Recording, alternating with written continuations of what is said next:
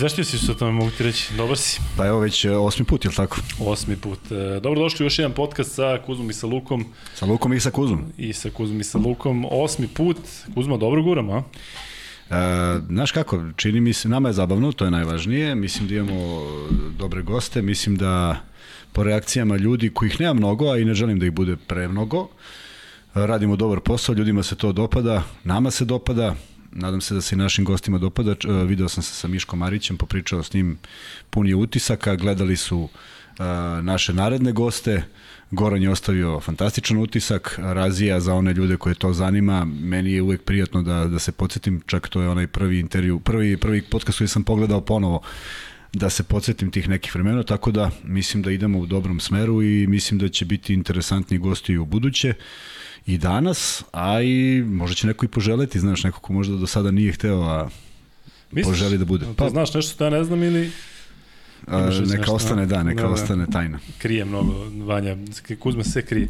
Pa krijem, od kad kasniš svakih od podcast, onda od. Onog dreso, od onih dresova, ali stvarno kasnije, znaš da smo se ja i Kuzma našli hiljadu puta da nijednom nije zakasnio, gde god smo se našli. Zato je verovatno on, on to što je, ja, elem Kuzma, E, nedelja za nas puna svega i svačega. Dešavalo nedelja, se svašta da. u toj NBA ligi koju ti ne voliš, dešavalo se svašta ovde i kod nas, mi ćemo u ponedljak se baviti Partizanom i Zvezdom, međutim, bilo je tako još neki događaja koje treba da se prisetimo, tako? Da, jedan od tih događaja je privatno nešto, ovaj, da mojoj supruzi poželim jubilarni rođendan, srećan rođendan, koji je bio ove nedelje. A, nije malo napuniti 30 godina. Ovaj, e, to je onako nešto privatno, međutim ima nešto što, što ostavlja taj decembar uvek donese jednu, jedan loš osjećaj, a to je dan kada je ubijen Haris Brkić i zaista u nekom razmišljanju za ovaj podcast to mi je sinulo posle našeg ponedeljnog razgovora da bi trebalo da, da porazgovaramo i o tome. Jedan čovek koji je bio zasigurno najbolji igrač tog vremena. Jedan igrač protiv kojeg sam se onako posebno spremao, koji je bio veliki izazov. Jedan igrač kojim sam uspeo da odigram tu jednu sezonu na jednom izuzetnom nivou i druženja i, što se rezultata tiče, iako smo igrali na istoj poziciji, o tome nešto kasnije. A sa nama će u studiju biti gost i sad ja bih jedan mali uvod. E, naš gost i ja odigrali smo jednu sezonu u crno-belom dresu On ih je odigrao više, ali ovaj klub u kojem smo zajedno igrali Apollon iz Patre i meni je strašno žao što sam danas žurio pa nisam poneo dres, doneću ga, da imamo i jedan crno-beli ovde, uglavnom sve je crveno, mada evo ga Rose ovde ovaj, na stolu. A, odigrali smo jednu sezonu, ne možemo da se podsjetimo kao da se prisetimo kao vrhunske, imali smo mnogo boljih u našim karijerama. Bilo mnogo daleko, pa zato. Šta? Mnogo, ne može da se pristiže što je bilo mnogo... Ne, ne, nije, nije. Bilo je, još je to u sećanju sigurno neke stvari koje su, koje su ostale zabeležene. Uh, ali smo napravili jednu stvar i ja pravim taj uvod da, da, naše gostavu, da naš gost ispriča šta je to što, a on dobro zna šta smo uradili uh, na početku te sezone koja je bila dosta turbulentna, na kraju ostvaren rezultat koji smo želeli da opstanemo u ligi. Uh, imali, bilo je tu dosta uspona i padova, bilo je promena trenera, trenirao nas je Darko Ruso, dao ostavku, došao Muta Nikolić, sve to bilo dosta onako uh, turbulentno, ali jednu stvar koju smo uradili, to je prva utakmica sezoni i da najaviš sad naše gosta da ti ispriča šta je to bilo. Dobro, meni ostaje samo da pozdravim Ratka Vardu i da mu se zahvalim što je sa nama i nadam se da ćemo da ćemo danas pre svega prisetiti Harisa Brkića, ali i prvo ova Kuzmina, Kuzmina priča da se nastavi. Ratko, dobrodošao i hvala što si gost našeg Pre svega bolje vas našao i hvala na pozivu. Kuzma, šta da kažem?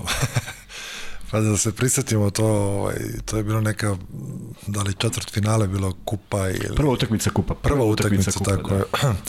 Klub koji, ja sam došao iz, ovaj, iz te nekog izleta u Americi, I sad da kažemo prvi neki klub u koji sam ja posle toga ovaj, došao je bio Apollon Patra. I bilo je sad sa, sa menadžerom kao da li da idemo tamo, nemoj tamo, čekaj, oni su iz druge lige. Ja sam hteo ići iz razloga jer je tamo Darko Russo, ja trener bio i imao sam prilike u Partizanu s njim da radim i jednostavno svideo mi se način njegovog rada, taj gde, gde svaki detalj mora da se uradi onako kako on kaže. Elem, da se vratimo sad na tu utakmicu. Igrali smo tu ovaj, prvu utakmicu sezone, pa na Trikus koji čini mi se da su te sezone bili prvaci Evrope, ovaj, igrali smo čak i kod njih. Ja mislim da je kod, kod njih, u maloj dvorani, zato što se, su se sve do dvorane spremale za olimpijske igre 2004. I sad ovaj, mi smo tu došli čisto, ajde samo da damo bar neki dostojanstveno ovaj otpor, da, da, da pokažemo da da možemo da igramo košarku, sad nije niko očekivao da, da ćemo da ih dobijemo, na kraju mi smo ih dobili relativno lagano. I ovaj, taj neka detalj što je i Kuzma rekao, bio je crnac jedan Dante Jones, čini mi se, 44, da, jest, jest. 44, 44 poena. Kuzma, da. Ovaj, Kuzma i ja smo još samo bili dvocifrani u toj utakmici. Generalno dobili smo na kraju nekih desetak razlike. Ovaj, znam samo da, da ja Kalaković kad je izašao posle da baš i nije bilo nije bilo ovaj, sve jedno biti u, u toj slačanici posle utakmice. Verujem da, da je bilo jako jako zanimljivo. divan, divan e, članak u novinama izašao posle te utakmice, naravno ovaj, u grčkim novinama, pa su nam prevodili. Uh, mislim da je Željko Obradović izjavio, sad pokušam da, da ne bude da, da citiram, ali parafraziram, pokušavao sam da objasnim igračima ko su Dante Jones, ko je Jamel Thomas, koji je bio treći strelac italijanske lige, Pokušao sam da objasnim ko su Ratko Varda i Vladimir Kuzmanović koji sticam okolnosti nisu bili negde pri reprezentaciji pa da Grci malo čuju za njih, kaže, ali kaže nije, nije vredilo. Jer mi smo odigli jednu majestralnu utakmicu, defanzivno pogotovo. Dante Jones je zaista imao svoj dan, to je prosto neverovatno šta je radio, ali defanzivno sve te igrače koje smo negde doživljavali kao ipak jednu klasu, smo zaustavili i zasluženo triumfovali i direktno se plasirali na Final Four Grčkog kupa, tako da smo osvanuli u te, među te četiri najbolje ekipe, jer smo eliminisali prošlogodišnjeg e, pobednika, verovatno i ekipu koja je dobila najlakšeg protivnika u toj sezoni. Tako da eto lepe uspomene e, moje Ratkove, a sad se vraćamo na ono na ono što što nisu lepe uspomene zato što sam ja igrao u budućnosti kada je pokojni Haris uh, posle te jedne sezone vratio se u Partizan, a Ratko Varda je bio u Partizanu kada se uh, to dogodilo? Hajde da krenemo prvo uh, od uh, toga kada si ti bio mlađi, a Haris i ta ekipa su bili stariji. Kakav su odnos imali prema vama? Kakav je Haris bio kao saigrač, kakav je bio kao, kao kao drug, da ga se prisjetimo na taj način, ti ga poznaješ Pa, verovatno ima i oni koji ga poznaju bolje u smislu koji Sigurno, su bili da. duže. Recimo, pominjali smo i Miću Berića, ali eto, možda nam kažeš malo o njemu. Mislim, ljudi uglavnom pričaju o tom događaju, o tome što se desilo, pričaju o njegovoj košarkaškoj karijeri. Evo malo ovako nešto iz prve ruke, Faris. Pa, pa sad iz prve ruke, ja, ovaj, i, i ranije sam rekao da verovatno bi za, za tu temu i Stragi i Mića i Čubrilo i ovaj Drole ili oni su se jel te, dru, konstantno družili, bili zajedno. Taj je ovaj, neki moj dolazak, ulazak u prvi tim sa, ja sam bio klinac sa 16 godina, imao sam prilike te dve, dve sezone da, da budem ovaj, deo toga tima, da se divim tim igračima. Sad i Kuzma zna kako to kad mladi igrač dođe među ovaj, neke krupnije ribice i starije momke, kako se i kako ovaj prolaze tako da da ovaj taj neki prvi susret i, i ne mogu ja nešto mnogo da, da, da, da govorim na, na tu temu, ali taj, taj, taj drugi put kad, kad smo došli, već sam ja, da kažemo, bio i stariji i, i ovaj, imali smo i, da kažemo, i prilike da, da, da razgovaramo dosta i jednostavno uh, neverovatno, meni, na mene je Haris ostavio jedan uh, fenomenalan utisak uh, te neke igračke veličine, jel, uh, u to vreme da da budeš toliko dominantan u tim nekim uh, segmentima igre, da, da u tom nekom prodoru sigurno znaš da će da, da, da, da, da, da, da izmisli poene, kako svi sad govore, taj produženi korak, on generalno imao imao je dosta tih ovaj, uh, dosta tih završetaka, nije bio samo taj produženi korak, ali, ali generalno ovaj, jako, jako dobar igrač, jako, jako talentovan u to vreme i velika je, to kažem, velika je šteta što se to desilo, jer uh, u budućnosti on je, on je otišao tamo budućnost je zaista imala jedan neverovatan tim gde on se, mislim, nije ni, ni snašao kako je trebao, pa, pa je ovaj, se vratio u Partizan, tako da svi smo očekivali da će tu biti jedno veliko veliko pojačanje za, za, za nas i da ćemo biti konkurenti u ovaj, budućnosti na kraju sezone u, u toj nekoj borbi za titulu i eto, kažem, nažalost desilo se to što se desilo o tom, o tom danu i, i dan danas ponekad kad se ovaj, ili da legnem da spavam ili kad se probudim pa mi prolazi prolaze te detalji kako je ovaj Nikola naš ekonom uleteo na teren i samo je rekao onako kroz neke suze i i ovaj nevericu da je upucan Haris sad ovaj ja kao neko od 20 i 21 godinu onako kroz glavu mi je prošlo, verovatno je negde bila neka pucnjava, pa je slučajno neki metak za luto pogodio ga ili u nogu ili šta već nisam u tom trenutku mogao da, da sebi do glave da dođe da je u stvari desilo to što se desilo. Kuzma, ćeš ti? Mi smo to primili, da, mi smo tu vest primili brzinom svetlosti, jer tako, odmah su, odmah su javili, bili smo na treningu, potpuni šok, zato što smo svi isto pomislili da je to neka slučajnost, neka greška, nešto se desilo neplanirano, na, na, na, na informaciju da je upucan računaš jak je fizički sportista izdržaće, onda saopštavaju da nije da, da, da je živi dalje, pa poveruješ ma to on prolazi, onda, onda se do, do kraja večeri se ređe informacije oprečne, tačne, međutim osjećaj zaista bio užasan, zašto je to čovjek koji do juče bio sa nama. Znači on je ne, neposredno pre tog događaja i prešao u Beograd. Neke, jedan igrač kojim smo delili i dobro i zlo, jedan igrač kojim sam ja imao jednu divnu komunikaciju, uh, on je obožavao da igra video igrice, isto sam to i ja radio, nismo, nismo igrali iste igre, ali i onda u pola tri zazvoni telefon, supruga već spava, on se javlja, blokirao mu je kompjuter,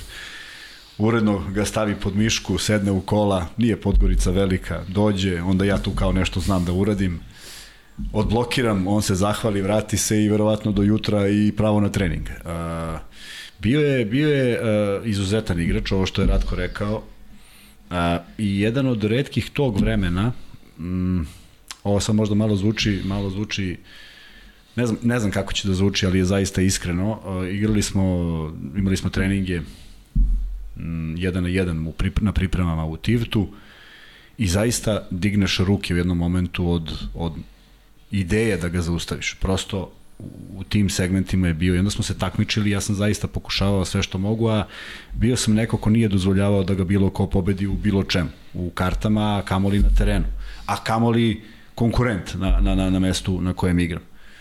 Ja sam zaista tada izvalio jedno, jedan jedini put, jer nisam sa mnogima, ne mogu da kažem da sam igrao sa svim najboljim igračima, najboljim igračima tog vremena, ali sa njim jesam i kažem, zaista ja mislim da bolji, bolji prosto nema. Teško je to da ima, kad imaš neki ego svoj, da bilo kome priznaš, bilo je tu još plejada igrača kojima nikad nisam to priznavao, ali ovde prosto shvatiš koliko je snažan, koliko je dominantan u tim nekim, što kaže Rale, segmentima igre, koliko je taj prodor bio ubitačan, koliko je on to znao da, da koristi, koliko je znao da nađe put do koša i meni ostaje jedna velika enigma, možda bi neko i mogao da odgovori na to, zašto Haris Brkić nije bio u reprezentaciji. To je nešto što je apsolutno, kako bih rekao, neverovatno. I mislim da ga je negde to pogađalo. On nije bio pozivan ni na šire spisko, tako? Mislim da jeste. Mislim da jeste, ne mogu da ga rešim dušu, da. stvarno ne znam, ali nikad nije bio među tih 12. Druga stvar, otišao je na kaljanje, je tako, u Čačak. Igrač tog kalibra, e, treba da igra negde, ali možda mu, možda mu ni to negde nije odgovaralo. Nikad, nikad nismo pričali na tu temu da možemo da znamo. On je tamo zaista igrao fenomenalno, ali prosto nekako kao da nije dobijao e, priznanje za to e, što je, što je znao da uradi na terenu. E, Rale, ajde ti nešto, pošto, ovaj, znaš, kad počneš da vraćaš film, onda se vraćaju i, i, i emocije neke. Ne, pazi, ja ću sada da kažem ovaj, e, kako je nama izdalo koji smo tada odrastali. Dakle, u Partizanu je bilo nekoliko igrača od kojih si mogao da uzmeš svašta. Znači, Miće Berić za šut i sećam se on kako je tehniku šuta imalo, svi smo nepravilno krivili ruku bez veze onda Čubrilo za zakucavanje, Čubrilo ipak bio tada kad I možda jedan od najtalentovanijih u toj generaciji, I onda to je kada prosto... je ona sezona kada da. se i pa kad je prišao bliže, bliže košu, on je stvarno bio, kažem ti, ne uništi. Međutim, što se tiče Harisa Brkića, e, znalo se nekako iz ugla nekog ko tada odrasta, koji je praktično publika, ali klinac, da stvarno ne zadrži u prodoru. I recimo, meni samo Spanulis me podsjetio na to da on tako krene sporo, da deluje da je sporo, i onda na taj drugi korak tako jak i on izabere najbolje rešenje, kao da, kažem ti, sve radi proračuna to i kažem ti ono kako je prenosio loptu, pa taj cik cak korak, kažem ti, znaš je to bilo kada završiš, sećaš se, ti si pričao samo, te, ti si pričao Marku Prajsu, kada neko uradi od nas to na treningu, pa sa leve na desno, pa cik cak, pa položi, onda kažeš Haris. Ali ovo, ovaj, stvarno nevjerojatno, nikad nisam razmišljao o tome da, da Da sam nije bio u reprezentaciji, jeste tada konkurencija bila neverovatna. Pa jeste, govorimo, ali, govorimo ali o, prosto... o drugom delu 90-ih. Da. Ali ovaj, jeste, jeste opet sa, sa, sa druge strane enigma. Elem, um, imali smo, nažalost, um, mnogo tragedija u poslednje vreme. Ovo sa Stevanom Jelovcem, mi smo rekli da ćemo pominjati, rekli smo da ne znamo uopšte šta da kažemo o tome. Međutim, ne bih zaista da sada pravim neki nivo i da sad ja pravim neke grupe šta je kako. Ipak je ovo sa Harrisom posebno u smislu da ne sjećam se, osim u Americi, da je bilo slučajeva da neko stvarno ukucan i da ne zna šta, ajde mi smo pričali, došćemo doktora pa će doktor opšte da priča šta se to dešava, pa ima utice ovog ili onoga, ali ovde stvarno, kažem ti, ja sam se i sad nežio, ne znaš stvarno šta da kažeš, šta dove, koga da dovedeš da te priča o tom slučaju. Uh, Ratko, ono što ja mogu tebe da, da, da pitam, a mislim da danas to prolaze mnogi članovi čak i reprezentacije Srbije koji često govore o ovome što se, ovi tragediji koja se desila sa Stevanom Jelovcem, kako je bilo, koliko je bilo teško u tom trenutku nastaviti dalje? I da li, naravno, da tako nešto uh, zbliži igrače, ali malo samo da, da nam opišeš tu emociju kada se tako nešto desi, vi ste u, u praktično u sezoni, vi morate da se vratite svojim obavezama, da li je to uopšte moguće da se, da se distancirate od svega što se desi? Pa treba uvek, uvek treba vremena za, za sve neke loše stvari koje se dese, jer uh, Znam da je prva utakmica, mi smo valjda trebali, da li je Francuska, nisam siguran, ili Nemačka bila, trebali smo da idemo na, na put sutradan, to je otkazano, jer ovaj, niko nije bio u stanju, to je bio šok, mi čak nismo imali ni trening, o, mislim da nije bilo ni dva dana treninga, jer je to zaista na, na, na dosta igrača uticalo. Jednostavno imate najboljeg igrača koji je došao kao najveće pojačanje, jer smo imali nekog crnca, ja mislim da je Koton bio, Ševalije Koton, ili tako, koji se nije snašao najbolje i sad je od, od Harisa očekivano da promeni tu sezonu, da nam, da nam da ta da, da nam da krila, da, da uradimo nešto što smo trebali da uradimo i onda se desi tako nešto i jednostavno na, na dosta igrača to je jako loše utica. Mislim loše što je jednostavno i, i, i sa neke strane i normalno, jer jednostavno izgubite prijatelje, izgubite saigrača na, na način na koji se to desio. To, opet kažem, svaka tragedija koja koja ovaj koja se desi a, iz nekih drugih razloga zdravstvenih ili ili nesrećnih slučajeva ili šta već ovo je, ovo je zaista kažemo nije nesrećni slučaj jer je generalno neko išao na to da, da, da ga liše života jer ovaj, vi da, da hladnokrvno tako na parkingu oduzmete život nekome, to pogotovo neko ko je sportista koji jednostavno ja ne znam da li je da li je ovaj što ste rekli malo pre, da li se negde u svetu desilo da, da je neko upucao, jeste sad nešto na Kipru, koliko sam video, da je isto nekog Amerikanca u klubu, ali ovo, ne, ne, ovo nije bilo nikakva situacija slična tim nekim koji su se kasnije desile, jer ljudi pod nekim uticajem alkohola ili čega već naprave neke gluposti, ali ovo ovo je išlo bar kako se sad vide stvari, ali evo i posle 21 godinu i dalje niko ne zna ko je u stvari ubio Harisa. Pojavili su se neke informacije u novinama, to jest oni u člancima da su to bili ovi Jedni ili drugi, da. Jedni ili drugi, ali jednostavno nikada ne, mislim, pazite, 21 godinu prvi put se desi da neko na taj način ovaj, ubije liše života jednog sportistu i da se to i dan danas nije saznalo koji je razlog sam u tome to i dalje, evo sad kažemo, 21 godinu kasnije dalje čovjek razmišlja o tome. Da, i ostavlja gorak utisak, ali ne bi to promenilo činjenicu da ga njega nema, što je najveća tragedija, zato što je, zaista se radi, da ne shvate pogrešno ljudi, ne mislim da je njegov talent ima veze sa veličinom tragedije, da je bio manje talentovan da bi bila manja tragedija, ne to, nego govorimo ipak o jednom igraču koji je, koji je stalno čekao to neko priznanje i eto na kraju se desilo ne samo da ga nije dobio, nego se desilo i ovo. Međutim, Ratko je imao a, tu utakmicu na koju nisu otišli, a mi smo morali da igram. Dakle, nismo mogli iz budućnosti da kažemo po, Pa, da. ja garantujem podjednako ovaj, potrešeni verovatno i svi koji su morali, samo što prosto nisi imao nikakav izgovor da odložiš utakmicu Igrao sam i onako, ja sad govorim u svoje ime, ne znam za svoje saigrače, onako potpuno prazne glave. Ne znam ni protiv koga smo igrali, ali sam samo molio Boga da se završi zato što ja tu noć kada smo to čuli, ja faktički nisam ni spavao. Nisam mogao da, da se smirim, da, da shvatim razmere toga. Sve sam čekao, sad će neko da pusti neku informaciju dobru. Međutim, mi smo odigrali utakmicu i onda na kraju utakmice koju smo mi pobedili, prolazim pozdravljam se sa, sa protivničkim igračima i iz publike koje nije bilo nešto pretrano mnogo, čujem ala ste igrali večeras i onda ti još bude još, još gore, znaš, još, još neki teži moment kako je moguće da neko ne sagleda celu tu priču iz jedne dimenzije gde si, gde si faktički, to juče smo bili s njim, on je, vrlo kratak period proveo u Partizanu do tog momenta, nije to bilo ne znam koliko vremena.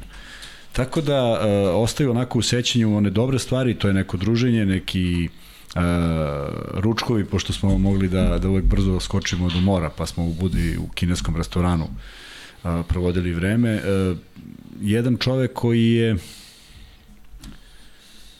donosio jedan novi, novi novi element, novu, novu, jednu veliku stabilnost kada, kada igraš i obožavao sam da ne igram s njim u petorci, zato što je onda to bio ogroman izazov. Uh, videlo se da ga nešto muči tokom, tokom života generalno, zato što ima neke velike uspone i padove. A, našao se u ekipi gde smo na toj poziciji opet ne govorim u ime drugih, ali govorim u svoje ime, pokušavao zaista da mu pomognem jer, jer, sam, jer sam želeo da on bude bolji. Koliko god to glupo zvučalo, nisam želeo da on bude loš da bi ja mogao da igram, već naprotiv, da, da, da bude ono što, što, što se od njega očekuje. Imao je neku muku, nešto je očigledno ga mučilo. Um, Govoriš inače ili u tom periodu poslednje? U tom periodu, u, tom, u toj sezoni. Ina, inače nije delovao, uh, on je znao da se opusti, da se, da se, da se šali, ali nije, nije, kako bi rekao, nije to bilo nešto što vidi se da nekada bude i zamišljen, ne znam šta ga je morilo. I to se manifestovalo jednom, i sad je to već anegdota koja je dosta šaljiva, iz, iz tog perioda, ne znam kako bi prošlo da je tada da je tada bila otkrivena. Otišli smo na gostovanje baš u Čačak, i s obzirom da smo nosili sami svoju opremu, imali smo garnituru za Euroligu i garnituru za, za domaću ligu i nas 11 je bilo u jednim dresovima, samo je Haris imao Euroligaški dres. I sad stojimo u čačku, smo, nema ispravke, jel tako? I gledamo se svi i on iš zezanja pita što ste obukli pogrešne dresove. I, o, I sad moramo to da sakrijemo, pošto Muta ne može da zna kako da izađe, mislim, nije I ja, da li sam ja rekao, da li je neko drugi predložio, ajde pravi se da, da ti je loše, zakopčaj se do grla i moli Boga da svi mi bekovi ostanemo u igri ostanemo u igri do kraja utakmice. To se i desilo, nije morao da se skida, kontrolisali smo utakmicu, zahvalio se naravno, častio Saznao mute za to posle. Nije, nije, nije, nije nikada. Pa, evo sad, evo sad. Nije nikada, evo sad će ako gleda. da. Ovaj, tako da, uh, uh, vraćam, vraćam priču na, njegovu, na njegove košarkaške kvalitete. Ima tu par nekih na, na YouTube-u svrte par nekih klipova, Jest, ali čak ne mislim da je to uopšte moglo da pokaže koliko je on bio koliko je on bio dominantan. Ja gledam sliku iz budućnosti, uvijek sam se doživljavao da smo mi negde slične visine. On je, on je, on je krupniji, on je viši, on je sve, jedna dominacija onako na, sa tom visinom. I ovo što sam, što sam pre nego što nastavimo neke druge ovaj, malo, malo o, lakše teme, ono, ono zbog čega sam rekao da mu se divim, to je jedan moment u 1 na 1 u Tivtu, kada sam procenio i na koju će stranu i šta će da uradi i sve to, i on je to zaista i uradio, i uzeo je loptu pod levu mišku. I toliko je dobro zaštitio, da sam se ja izmakao i sve snage udario po toj lopti. Pogodio sam je potpuno, ona se nije mrdnula, on je produžio jedan korak, vratio loptu iz tog položaja i položio. Ja sam to posle kad je on otišao u slačionicu pokušavao na 1 na 0, da, da uradim to, m, prosto mi nije išlo za rukom. Tako da, a, a, zaista jedna velika tragedija koja a, a, ne znam koji bi njegovi limiti bili. Samo da su možda u jednom momentu prepoznati, možda je taj povratak u Partizan bio prava stvar, ne znam. Ne znam zašto on u budućnosti nije, nije dostigao ono što se od njega očekivalo, a verujem da imao podršku i, i, i igrača i da smo svi želeli da on bude onaj, onaj Haris da. Brkić iz Partizana. Znaš kako, ja um, prvo bih da skrenem pažnju na to kako se zlupotrebljava i dan danas to kako se neki senzacionalistički natpisi da. po novinama idu, što je zaista bespotrebno ovo što Ratko kaže, sada se tu javlja nekih više opcija, 21 godinu kasnije, mislim da čak pravno je taj slučaj zastareo. Naravno. Znaš, i sada je to samo da bi malo E, da bi se narod, ne da bi se podsjetio Harisa na način ne, na koji naravno. treba, ne nego da bi se prikupili neki klikovi, neki lajkovi ili već šta.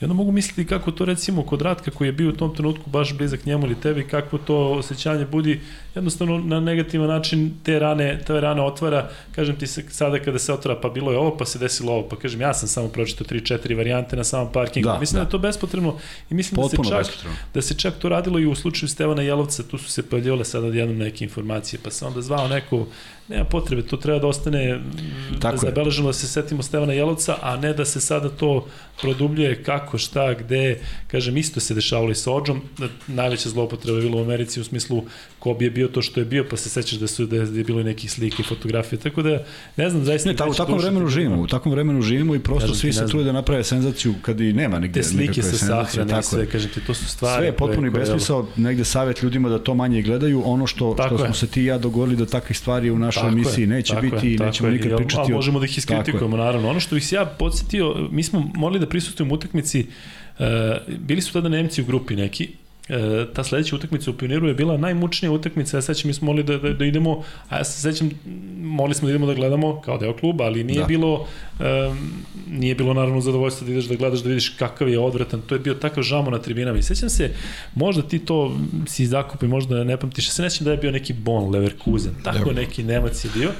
Mislim da je Bon, da su bili roze dresovi. I pojavio se neki lik iz njihove ekipe koji očigledno nije bio svestan te situacije koji je dao, stvarno je dao nekih 6-7 trojki i gotovo s jedne pozicije sa desnih 45 stepeni na ovom košu, ajde da kažem, levo iz onog ugla zapisničkog stola. I on je dao, jedno, stvarno je čovjek u, u jednoj četvrtini je stavio jedno 5-6 trojke i onda je krenuo nešto da provocira.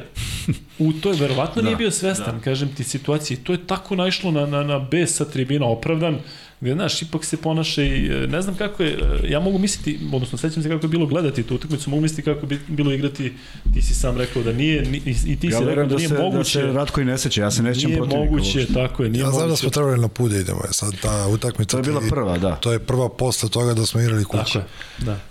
Generalno, ovaj, sad tebi svaka čast na tome što se sećaš svakih detalja, da li zaista prošlo dosta vremena ali mogu govorim generalno za sve utakmice ako ovaj, gledamo tako nešto tragično se desi pa ponašanje ovaj ponašanje pogotovo sa tribina to, to jako jako puno iritira naročito igrače koji su bili ovaj deo deo, da, da, da kažemo tog, tog, te neke osobe koja, koja više nije sa nama, koja je bila u tom u, u, u tim, znači jako, jako loše utiče, jako imate nevericu prema svemu tome. Sad navijači kao navijači, dosta njih i, i znate, mislim, oni, oni će da, da, da rade svoj posao i da navijaju na i da se nije nešto tako desilo, jel tako, ali ovaj ti neki igrači moraju biti svesni ukoliko igrate protiv ekipe koje se to desilo da, da morate voditi računa o svom ponašanju, to je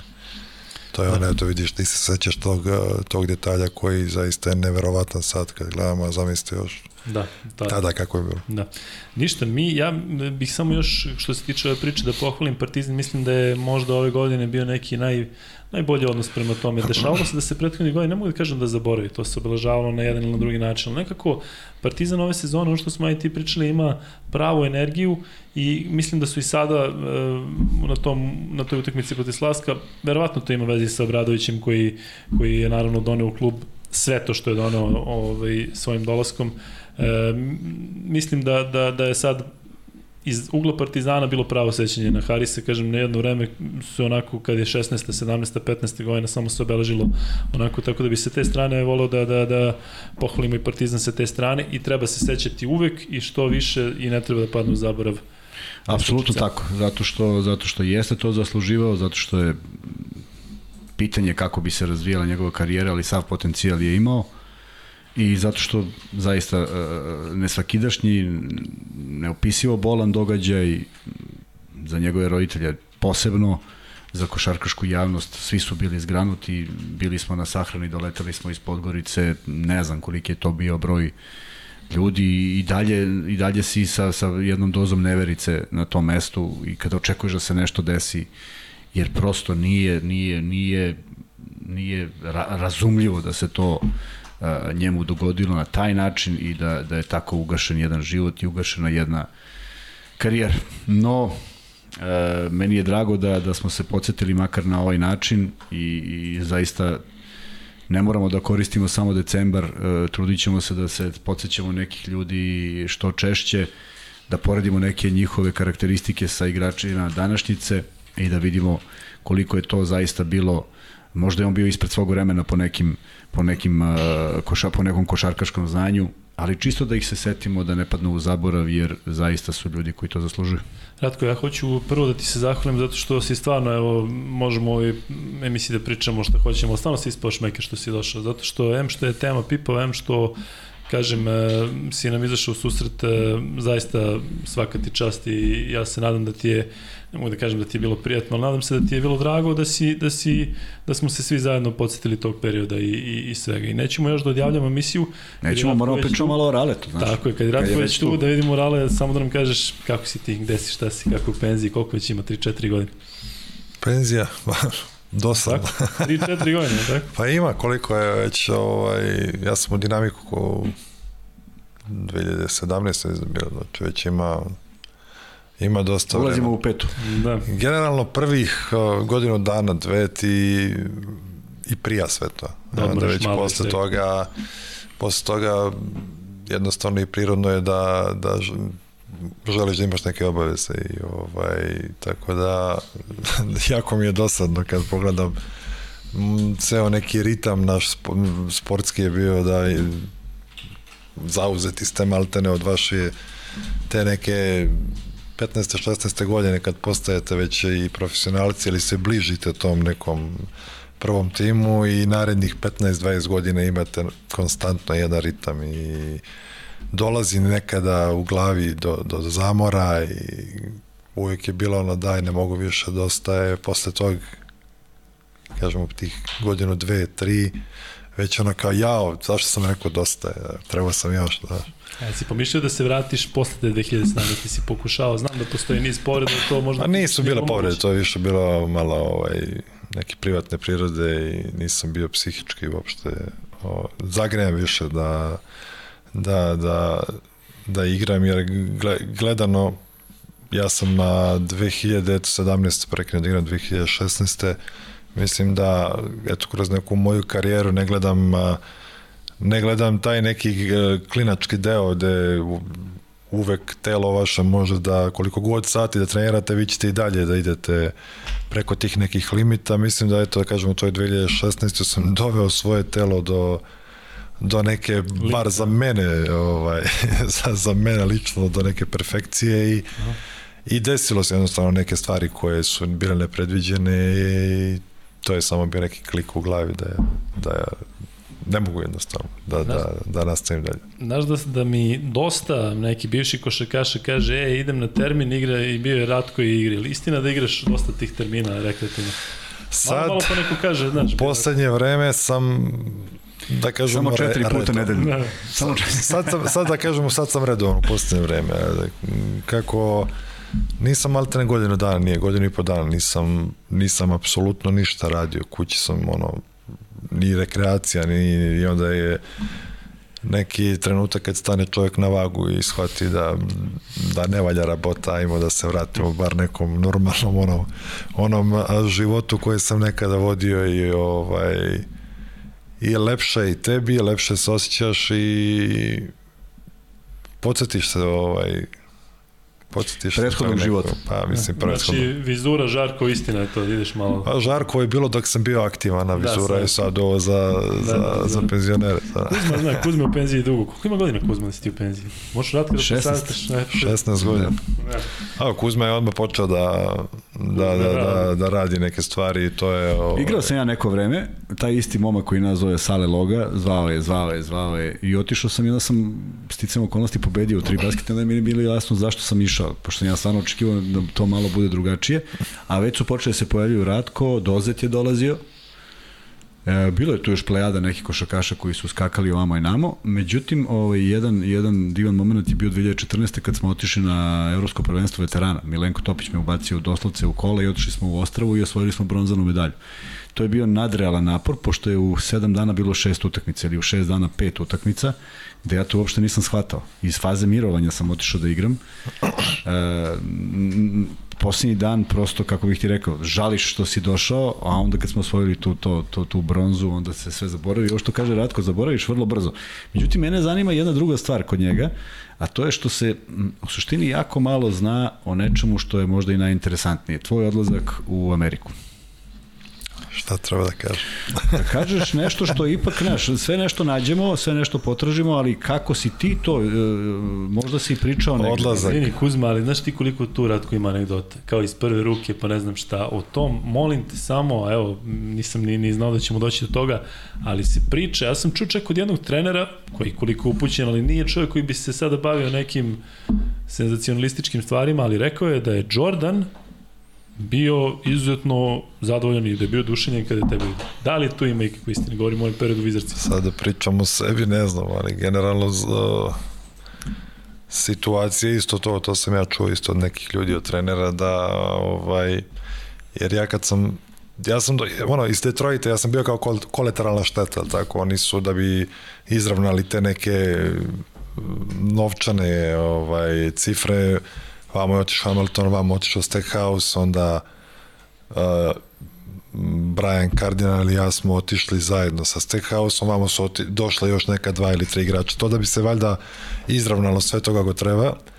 Ovaj, I taj neki uh, početak tih, tog trening kampa je bio, da kažemo, za mene savršen, jer ja sam već video sebe, generalno gledam uh, samo je bio Tomas, sad kako se on zove, imao je kikica onako, ovaj, koji je tada bio na poziciji 5, ovaj, jedan White je bio povređen, još jedan dečko je bio povređen. I ja sam sebe već video tu da, da, da, da ću sigurno da budem ako ne prva, bar druga izmena na, na, na nekoj poziciji visokog igrača. I ovaj neki poslednji dan ili, ili mislim da čak i poslednji dan tog trening kampa uh, sad je ovaj, da Collins okupio sve tu igrače i sad priča, priča, to je trajalo jedno pola sata, 40 minuta. I posle toga kad, kad je završio, sad smo svi očekivali, to je to, idemo, znaš, ajde kao da, da odigramo 5 na 5, onako malo jako, kao takmičarski utakmica, šta je, i neki potez koji sam ja napravio, nešto sam kao krenuo po loptu i to je samo zadnja loža pukla i I generalno ja sam mislio to je to, jer ja nisam, a, mislim ja sam im, imao ugovor, ali opet a, se završava sve to pre nego što počne sezona, oni moraju da, da, da odaberu 15 igrača koji će biti u rosteru i znam da kasnije mi je rečeno da, da je zbog eto te neke veličine da sam ja ostao u tom rosteru, a ne uh, Bobby Simons, ja mislim da je bio da, dečko pozicija 2-3 i tako nešto, šuter ili možda i četvorka, nisam sad siguran. Generalno, ja ne mogu da pričam o tome jer je malo malo je bar meni bez veze da pričamo o ali nekim stvarima. Ali bilo je toga, kontakta je bilo, tako mislim? Pa generalno jeste, ali sve te neke stvari koje dolaze do vas, tako su došli do mene sad. Da li tu ima istine, da li, da li je on bio ta ta, ta spona da sam ja ostao ovaj, ili on želeo da ja budem tu u tom nekom trenutku. Znam na tom jednom treningu, trening kampa da, da je Doug Collins, to sad opet kažem ranije, su novinari drugačije to ovaj, prenosili. Da, da Collins je zaustavio trening i bukvalno sve je nazvao ovaj, pusis, kao. I onda samo gleda kao i pokazuje kao accept this guy. Sad ja onako gledam, i okrećem se, rekao, ima, vidi, nema nikog iza mene, to meni priča. Ma nije smeo, gde da kaže. Generalno, ovaj, to je to, a što se tiče prethodnog ovog Kuzminog pitanja, kako sam otišao tamo. Uh, uh, uh. U Partizanu ja sam onako kao neki najveći talenat, jeli, tog, tog perioda ušao u tim, prvi tim, koliko sam imao, 16 godina. I sad ovaj, tu je bio Ranko Žaravica prvu godinu, pa ili je počeo, ili je počeo čak Bora Đaković, pa je došao Ranko Žaravica, pa sledeće sezone je došao Muta, pa je Muta je tu ostao godinu, godinu i po dana, pa, pa, je, pa je Kime preuzeo, pa je onda počeo da li je, da li je Marin Sadlačak i, i ovaj, a, pomozi mi Kuzma, a Marin je bio pomoćni, a Lale Lučić je bio prvi trener, pa su onda opet i, i Laleta smenili u toku priprema, pa pa je dolazio da li je Ruso, da li je bio Neša, ovaj, Trajković, Pa dosta, dosta, dosta promena na tom nekom trenerskom mestu. Ja generalno nikada nisam od tog do, do, do tog nekog juniorskih dana gde znam i i kako sam igrao i kako se već pričalo o meni, dođete u, u, u situaciju da jednostavno godinu za godinom sedite. Prve dve godine to je bilo ajde u Zemun na pozajmicu, pa ide u Kragevac na pozajmicu, pa se vrati, onda opet sedi, sedi, sedi. I jedina, a, neka da kažemo ta a, klauzula ugovora je bilo da ja mogu da odem ako odem u Ameriku. Ja mislim da, da su ljudi koji su sastavljali taj ugovor to stavili kao nerealno. Da, bukvalno ko bi mene uzeo, ja niti igram, ne, nemam apsolutno, nemam, nemam minute, nemam ništa. Ja čak odem i na kad sam izašao na draft, uh, posle tih nekih par treninga, ja sam imao garanciju, ne garanciju, već je bilo da će mene Detroit uzeti tog 38. ili 39. pik. Međutim, kako nije kako me Mehmed Okur na, kako su bile predviđene da će biti prva runda, nije ga niko uzeo.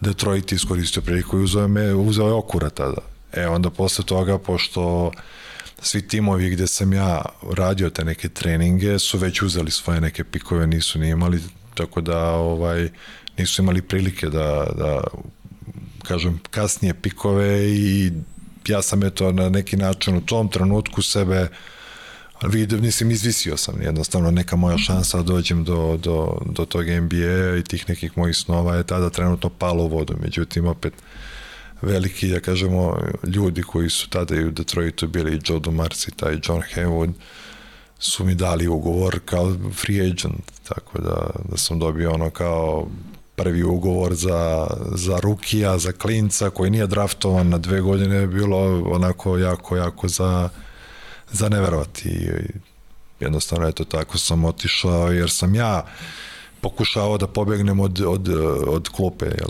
uvek sam težio ka, ka tome da pokažem ko sam, šta sam, koliko mogu i onda na kraju sam i u toj patri završio iz razloga, jer u Americi opet nisam igrao te dve godine samo sam gledao negde hoću da igram.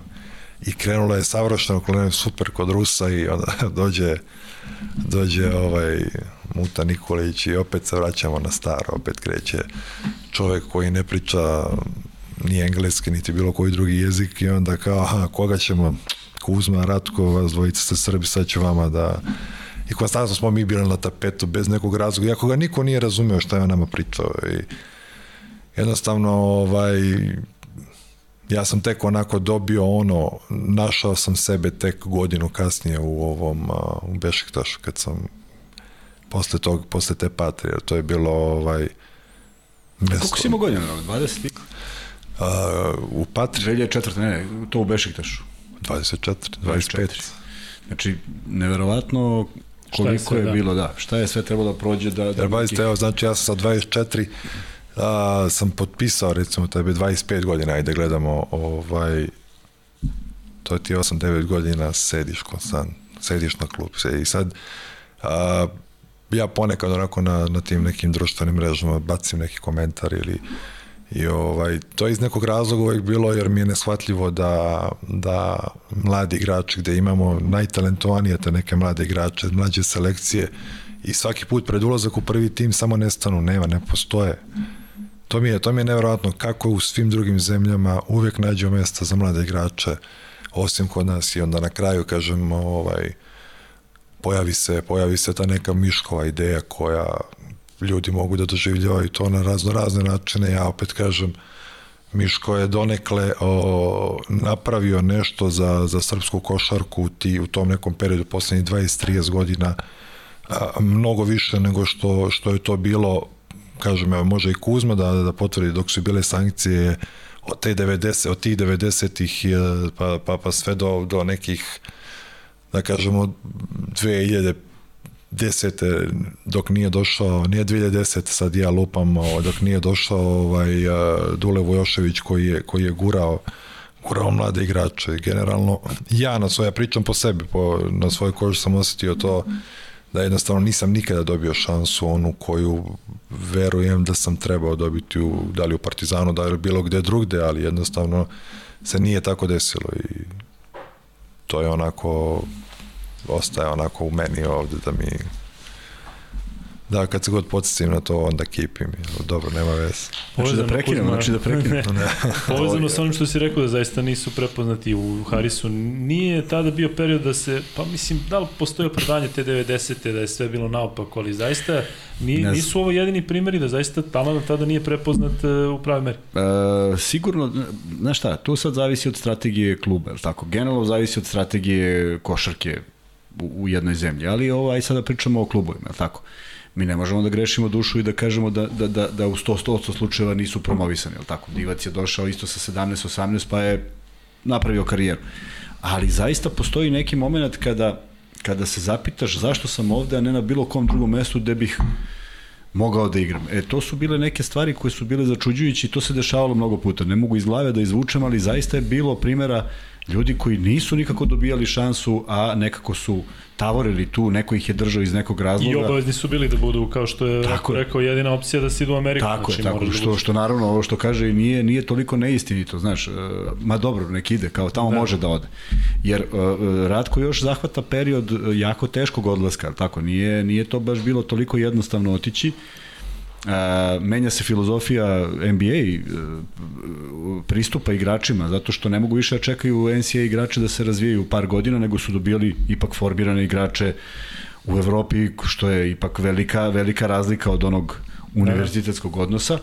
I tako je, tako je taj period postajao za nijansu lakši, ali uspeti tamo, evo, Ratko priča neke stvari koje ja prvi put čujem, naravno nisam, nisam imao prilike negdje da vidim, znaš, čak i te neke garantovane stvari, čak i nešto što se otvori može da se izjalovi na ovaj, na ovaj način. I onda ono što se opet vrati, uh, on posle par godina u NBA i razmišlja dokle više da sedim, znaš. I, i to ubija, to zaista uh, ne može da prija, pogotovo ako nema ako nema neku osnovu. Aj sad neka anegdota iz mog perioda, vratio sam se s Kipra, ja sam bio na Kipru 92. godine, bile su sankcije, otišao sam tamo da živim.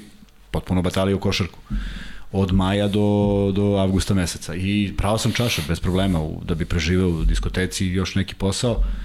I ispostavi se da me OKK Beograd registrovao za tu sezonu. I onda sam ja morao da se vratim. I vratio sam se i trenirao sam kao magarac tih 20 dana da bi nekoga uspeo da potisnem iz petorke. Bilo nas je 15 u prvom timu. I uspeo sam. I neverovatna stvar, otvaramo sezonu OKK Beograd Crvena zvezda šta ćeš lepše. Nije, mogu kažem, pun pionir, pošto OKA Beograd baš nije bio mnogo popularan i, i protivnik kojeg su gledali u tom periodu, ali izlazimo na teren i znaš kad čekaš svojih 5 minuta samo nešto da uradiš i prolazi vreme, prolazi i pokojni Rajko Žižić izmeni jednog, drugog, trećeg, petog, sedmog, pa onda opet ovog prvog, pa opet, znači nikako da dođeš na red, a sediš na klupi i čekaš da, da tih svojih 5 minuta. Ja sam ušao 9 minuta, 7 minuta igrao i dao 9 poena. I mi smo pobedili utakmicu jer na mene niko na terenu nije obratio pažnju. Znači niko nije znao ni ko sam. Neja Šilić, znaš koliko ga zanimalo što ulazi neki tu sa klupe. Sve to izgledalo nerealno u odnosu na, na, na, na, na samo mesec dana unazad. I mi pobeđujemo tu utakmicu tri razlike, 87, 84 i zaista se osjećaš onako uh, neverovatno i dolazi novinar da me intervjuiše i pita ko je Vladimir Kuzmanović, ja kažem, zašto? Znaš, da li neki poziv, nešto, kaže pa ja hoću napraviti intervju. I napravi potpuno blesav intervju. Uh, kako ti je bilo kad si ušao u igru? Rekao, bilo mi je strava, rekao, video sam po saigračima da, da računaju na mene. Pa ne, ne, ali kako ti je onako bilo? Ti baš bilo onako, baš frka? Ne, rekao, Slobodan Nikolić mi je pokazao ovako, pa čak i u momentima kad sam morao da dam koš, on mi je pokazao to. Ne, ali da li ti je bilo onako frka? Pa dobro, rekao, sad već nema neki smisao. Znaš koji je naslov intervjua? Malo sam se štrecnuo. Znaš, imam taj isečak. A zašto ti ovo pričam? Zato što je došla sledeća utakmica. Nula. Sledeća. Nula do šestog kola kada Zokiju Radoviću puca Mišić i sad neko mora da ga zameni. I onda kažu, ajde, še, osam utakmica sam igrao, šest smo pobedili, tri puta sam bio igrač utakmice. Devetu utakmicu, kad se vratio Zoki, nula. Ali to je neobjašnjivo, znači, da. ne tražiš ti sad igraš neku minutažu i da odlučuješ o nečemu, nego samo da, da, da, da uradiš nešto. E, to su bile neobjašnjive stvari koje su zaista postojale u svakom klubu. Ja ne verujem, ne verujem da je nešto upereno protiv Ratka ili mene bilo u tim trenucima lično. Prosto postoji taj neki stav, nikom jasan, a ja verujem da bi on karijeru drugačiju napravio na nekom drugom mestu i mislim, aj sad me ispravi da li grešim, da li bi bilo za tebe traumatično da je Partizan rekao, ok, Ratko, doviđenja i ti pređeš u neki drugi klub. Ja mislim da bi ti ne, potpuno nisu, istu želju pokazao. Tada u tom trenutku nije nije bilo izvodljivo sve to jer Ako su potpisani ugovori, ali recimo pazi, mi smo par nas je trebalo da ode u radnički cip tada kod uh, pokojnog pive. I to je već bilo onako da kažemo dogovorno i onda odjednom samo je to... Ali recimo, da se desilo, da li bi ti to doživljavao kao korak unazad ili u stvari kao korak... Oslobođenje. Kao, kao nečemu hoću da igram? Pa generalno sad... Sa jednim odličnim trenerom. Sa, sa ove tačke gledišta, Ja, mislim, kao i tada što sam razmišljao, ja sam želeo samo, da, da igram. Pa da, zato kažem. To je ono, jer, jer pazite, ja sam, ja sam relativno, mislim relativno kasno, ja sam počeo da treniram, došao sam u Beograd sa 12 godina, mali, debeli, visoki, mislim, a, a, ja nisam imao nekih dodira sa, sa, sa košarkom pre nego što sam došao u, u Partizan. Ja sam trenirao to tamo u gradišci, da kažemo, par puta mesečno, to nije čak ni bilo redovno, ovaj, i to što sam tamo trenirao ništa, generalno ja nisam naučio od košarke. Tek ovde, ovaj, kad sam došao kod Novice u Partizan, o, on je jednostavno od mene napravio, ja sada ne mogu da verujem, jer ja recimo za godinu dana, od mog dolaska za godinu dana smo imali pr, pr, pr, ovaj, pionirsko prvenstvo Srbije u Smederu, ja bio igrač, da kažem, igrač turnira sa, sa, sa tim nekim a, početkom a, bez, ne znam, poznavanja preterano košarke, a, neverovatno kojom brzinom, da kažem, sam ja napredovao i onda dođete do te neke 16. godine, gde sad treba da igrate za juniore, vas prebacu u prvi tim kao najveći talent, već je to i po novinama i po Evropi ili gde već je pisalo, Ovaj, I sad vi dođete u prvi tim, ja, ja sam bio srećan zbog toga, ali nisam bio jako jako razočaran jer a, ja znam da nisam mogao da igram ni protiv a, pre Drobnjaka, ni pre Koturovića, ni a, Tomaševića i, i, i Stragi bio. Mislim, to, to je a, zaista velika imena naše košarke, ne Partizan, ali neshvatljivo mi je da, da u tom trenutku ljudi koji su eto, vodili ovaj Partizan da nisu uh, ti par igrača koji već vidiš ne mogu da igraju, pustite ga da i dalje. Mislim, vi ste mene, oni su mene slali, slali na, na to neko kaljanje po srpskim ligama, ali generalno mi odemo i Dozet i ja smo bili, prvo smo bili u Kragujevcu ili smo prvo bili u Zemunu, pa onda sledeću godinu ovaj, u ovom drugom klubu. A, neverovatno, mi, mi nemamo trening, mi samo dođemo da igramo utakmicu. I sad je opet je to nepošteno i prema tim momcima, da ti dolaziš tamo kao da se ponašaš, ti hoćeš da igraš, a s druge strane ovi momci treniraju i imaju neke, ovaj, da kažemo, da taj neki sistem i sve, vi dođete bez, bez poznavanja bilo čega i kao treba da igrate 30 minuta. Opet kažem, O, m, nije ni to rešenje. Pa nije rešenje. Meni je, me, donekle me ispunjavalo to, ali opet nije bilo to to. Jednostavno niste bili konstantni. Vi možete jednu utakmicu date 10, 15, 20 pojena sledeće opet što kaže Kuzma bude nula, jer, jer jednostavno niste u tom nekom sistemu. Pa nisi deo sistema, nisi deo tima, niko te ne osjeća kao tim, da, ti dolaziš i oni te gledaju, dolazi sa strane i upravo i, to, da, i to i, a jedan naš ne igra, da. da. To je to. Kuzma, hoćemo da privodimo kraj? Imaš nešto? Ja mislim da Rale mora da ide negde. Pa sad da, Rale. Nije samo zato. Nije samo, Rale već završio. Rale već, već kasni debelo. Uh, uh, da se, Rale, hvala ti što si došao. Hvala ti što si ispričao ove detalje koje su koje, o tvojoj karijeri. Hvala ti što si, ovo što je Luka rekao, što si bio deo jedne priče. Slažem se s tobom da ima i ljudi koji, koji mogu da pričaju o tome i mi smo ubeđeni da kad ih budemo doveli u studiju da ćemo se podsjetiti Harisa i kroz njih, ne mora da bude decembar mesec, nije to nešto obavezno koliko je obaveznije da, da, da, da se podsjećamo takvih igrača i da najavimo emisiju za ponedljak, to je to, je li tako? Tako je, Ratko, zaista hvala još jednom. Hvala vama na pozivu. Nadamo se da ti bilo lepo. Sad ja se nadam da sam bar neki mali delić ovaj, yes. očekivanja yes, nekih... Uh... Ne, ne, zaista je bilo i iznad očekivanja i hvala ti još jednom. Meni je Kuzma sad jasno ovo kad si pričao minutažu, zašto si tako delio minutažu kad si bio trener. Sad si mi neke vidio stvari... Vidio si kako ja, zak, kad ja zakucam da, da, da. klupu. tako. Elem, uh, dakle, ponedljak, ponedljak se vidimo u standardnom terminu. Ljudi, hvala vam puno što ste bili uz nas. Nadam se da ste se vi podsjetili Harisa. To je bio cilj ove emisije. Vidimo se u podcastu broj 9 u ponedljak.